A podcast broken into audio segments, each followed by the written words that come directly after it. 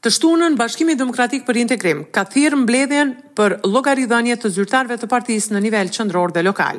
Zëdhënësi i Integristëve Bujar Osmani ka thënë se përveç ministrave, llogari para kryesisë së Këshillit të Përgjithshëm do të japin edhe funksionarë të tjerë, përfshirë edhe krerët e komunave. Burime nga strukturat partiake thonë se të shtunën, Pritet një mbledhje maratonike, pasi sipas tyre do të shqyrtohen dhe analizohen punët e çdo funksionari, duke filluar nga zëvendëskryeministri i parë i vendit, Artan Grubi. Për rëndësinë e kësaj mbledhje flet zëdhënësi Bujar Osmani. Ndjekim deklaratën. Llogaridhënie nuk do ketë vetëm ministrave, po të gjithë funksionarëve zgjedhur. Tu nënkupton ministrat, zëvendësministrat, drejtorët, kryetarët e komunave, gjithë që kemi obligim, kemi marrë në emër të partisë obligim t'ju shërbejmë njerëzve, do duhet aty të japim llogari se kush çfarë ka bërë dhe kjo është një proces i evaluimit të zakonshëm. E në prag të ndryshimeve kushtetuese të cilat duhet të ndodhin në Maqedoninë e Veriut, Bullgaria ka përsëritur se mund të vë veton ndaj Maqedonisë së Veriut në çdo fazë të negociatave me Bashkimin Europian. Kështu ka thënë zëvendës presidentja bullgare Ilina Jotova gjatë qëndrimit të saj në Kroaci. Sipas saj, Sofja dhe Shkupi kanë akoma shumë për të zgjidhur. Bullgaria mund të vendosë veton e saj në çdo fazë nëse kushtet e marrëveshjeve dhe konferenca e parë ndërqeveritare nuk përmbushen dhe nëse marrëveshja e fqinjësisë së mirë e vitit dy mijë e shtatëmbëdhjetë rezulton të jetë asgjë më shumë se një tekst bosh.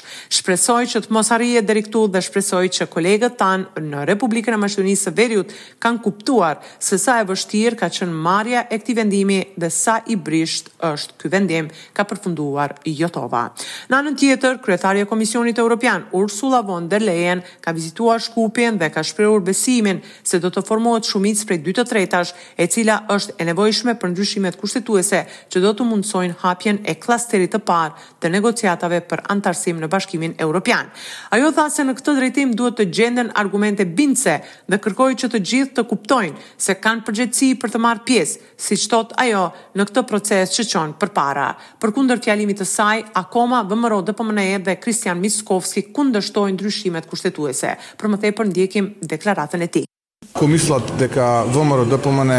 Në rast se mendojnë se VMRO-DPMNE, grupi parlamentar i VMRO-DPMNE-së do t'i mbështesë këto ndryshime kushtetuese në këto rrethana, Atëherë ja publikisht po them se kjo nuk do të ndodhë. Ne kemi pozicion të qartë. Cili është pozicioni i VMRO-DPMNE-së, se ndryshimet kushtetuese në këto rrethana nuk kemi ndërmend që t'i mbështesim. Kryeministri i vendit, Dimitar Kovaçevski u ka bërë thirrje të gjithë partive që të mblidhen të takohen të bisedojnë dhe të gjejnë mënyrë për të arritur numrin për ndryshimet e nevojshme kushtetuese të cilat janë jashtëzakonisht të rëndësishme dhe jetike për ardhmërinë e vendit. Për më tepër, ndjekim deklaratën e tij. E shoh se të gjitha partitë politike kanë një qasje pozitive ndaj ndryshimeve kushtetuese. Edhe ata që ishin të vendosur se duhet të jenë kundër tani thonë se me disa kushte do të përkrahinin ndryshimet kushtetuese. Mendoj se duhet të ulen në tavolinë të gjitha partitë politike dhe të gjithë të thuan atë që e mendojnë dhe në fund të vijnë në një zgjidhje që është e pranueshme për të gjithë. E gjatë kësaj jave, në rrafshin kulturor, Maqedonia e Veriut ka hapur edhe një qendër informative kulturore në Zagreb. Ministrja e Kulturës, Bisera Kostadinovska Stojçevska dhe drejtoresha e qendrës, Natalija Popovska, kanë theksuar rëndësinë e hapjes së kësaj qendre ku do të kenë mundësi të performojnë të gjithë artistët e Republikës së Maqedonisë së Veriut.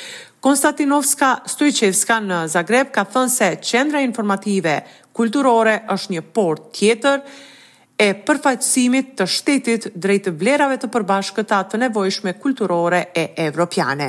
Pas Stambollit, Sofjes, Tiranës, Nju Jorkut, Zagrebi është qendra e pestë informative e Republikës së Maqedonisë së Veriut në botë. Për radion SBS raporton nga Republika e Maqedonisë së Veriut, Besjana Mehmeti.